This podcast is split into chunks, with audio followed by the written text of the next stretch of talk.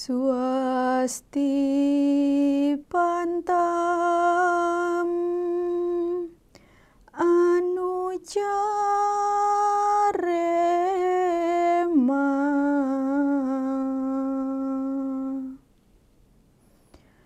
Surya Chandra Masaf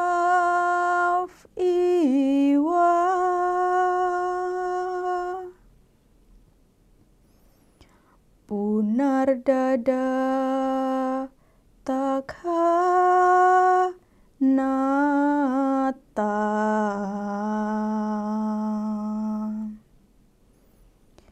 Janata Sam Game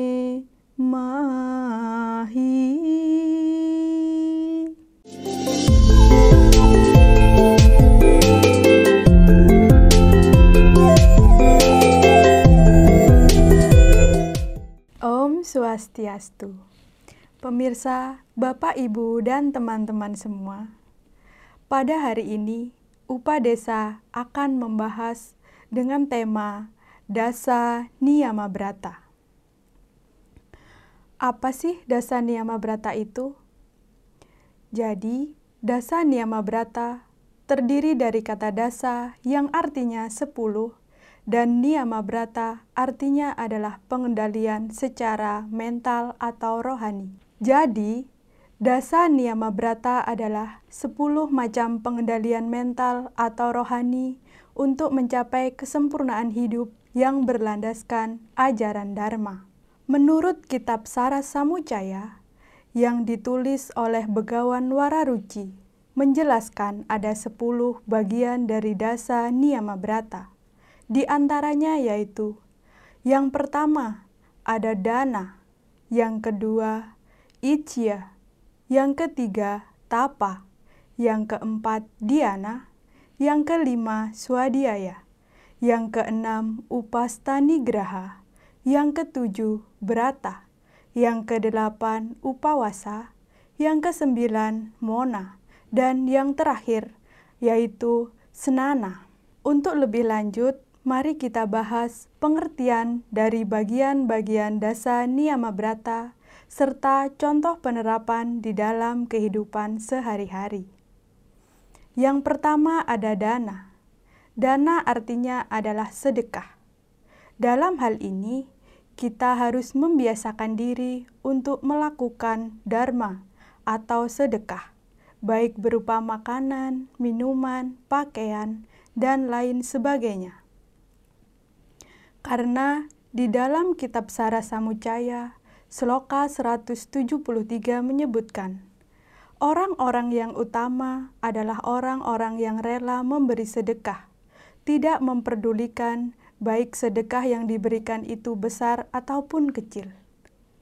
Nah, sedekah yang diberikan tepat waktunya akan memberikan kebaikan atau serada kepada kita, seperti yang dijelaskan di dalam kitab Slokantara. Di sini dibagi menjadi empat bagian. Yang pertama, bila kita melakukan sedekah atau dana punya pada hari purnama atau tilem, maka kita akan menerima kebaikan sepuluh kali lipat dengan apa yang kita berikan. Lalu, yang kedua, ketika kita melakukan sedekah pada gerhana, kita akan menerima kebaikan atau serada 100 kali lipat. Lalu, yang ketiga, ketika kita melakukan sedekah pada hari-hari suci, maka kita akan menerima kebaikan seribu kali lipat. Dan yang keempat, ketika kita melakukan sedekah atau punya pada akhir yuga, maka pahala yang akan kita terima tidak terbatas hitungannya. Nah, bagian yang kedua dari dasa niyama brata ada ijya. Ijya artinya adalah menghormati leluhur dan orang tua. Untuk itu, kita harus bisa membiasakan diri untuk memuja leluhur atau mempersembahkan makanan kepada leluhur agar diberikan keselamatan, serta menghormati orang tua dan membahagiakan kedua orang tua kita. Bagian yang ketiga ada tapa. Tapa artinya adalah pengekangan hawa nafsu secara jasmani untuk mencapai ketenangan di dalam hidup. Nah, dalam hal ini kita harus bisa selalu bersyukur kepada apa yang telah diberikan Ida Sang Yang Widiwasa, serta kita e, menerapkan hidup yang sederhana agar bisa tahan uji terhadap penderitaan. Bagian yang keempat adalah Diana. Diana artinya yaitu merenung untuk memuja Tuhan atau ide Sang Yang Widiwasa. Dalam hal ini, kita harus fokus terhadap Tuhan dengan berserah diri kepada ide Sang Yang Widiwasa atas segala limpahan wara nugrahanya, serta mengingat nama Tuhan dengan cara melakukan doa untuk setiap kegiatan yang akan dimulai.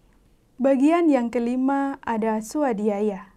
Swadhyaya artinya yaitu tekun untuk mempelajari kitab suci atau Weda. Hal yang dapat kita lakukan dalam ajaran ini yaitu selalu mengamalkan ajaran-ajaran agama atau konsep-konsep yang ada di dalam agama Hindu, serta mempelajari kitab suci Weda mulai dari Weda Semerti, seperti ajaran Itihasa dan Purana. Lalu kita bisa mempelajari Weda yang lebih tinggi lagi. Bagian yang keenam ada Upastani Graha, artinya yaitu pengekangan terhadap hawa nafsu kelamin. Dalam hal ini, kita tidak boleh untuk memakai pakaian yang kurang sopan, serta tidak mengganggu lawan jenis, dan tidak menonton video ataupun melihat foto yang kurang sopan. Bagian yang ketujuh ada berata. Berata artinya adalah taat akan sumpah atau janji yang telah kita buat. Dalam hal ini, kita harus bisa berjanji pada diri sendiri agar menjadi orang yang lebih baik serta berguna bagi orang lain. Bagian yang kedelapan ada upawasa. Upawasa artinya mengendalikan diri terhadap makanan dan minuman. Jadi, kita diwajibkan untuk berpuasa pada hari-hari tertentu, misalkan pada hari raya keagamaan, serta membatasi diri agar tidak memakan makanan yang berlebihan dan menghindari makanan yang sudah basi atau kedaluarsa. Bagian yang kesembilan ada mona. Mona artinya yaitu membatasi perkataan. Dalam hal ini, kita tidak boleh mengucapkan kata-kata kasar atau menyinggung dan menyakiti orang lain. Kita juga tidak boleh berbohong, baik kepada diri sendiri maupun orang lain. Bagian yang ke-10 yaitu senana. Senana artinya yaitu menyucikan diri atau membersihkan diri. Dalam hal ini, kita bisa merawat badan kita dan membersihkan badan kita setiap hari, serta menyucikan diri dengan jalan melukat atau mencari tirta pembersihan, dan selalu bersembahyang atau berbakti kehadapan ide Sang Yang Widiwasa. Itulah ajaran dari Dasa Niyama Brata. Dengan demikian, sudah jelas di dalam Regweda bahwa kita dituntut agar selalu berjalan di jalan yang benar, agar mencapai kesejahteraan, kemakmuran, dan kebajikan di dalam kehidupan ini.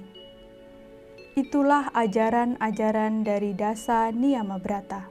Semoga kita bisa mengendalikan diri agar untuk menjadi manusia yang lebih mulia.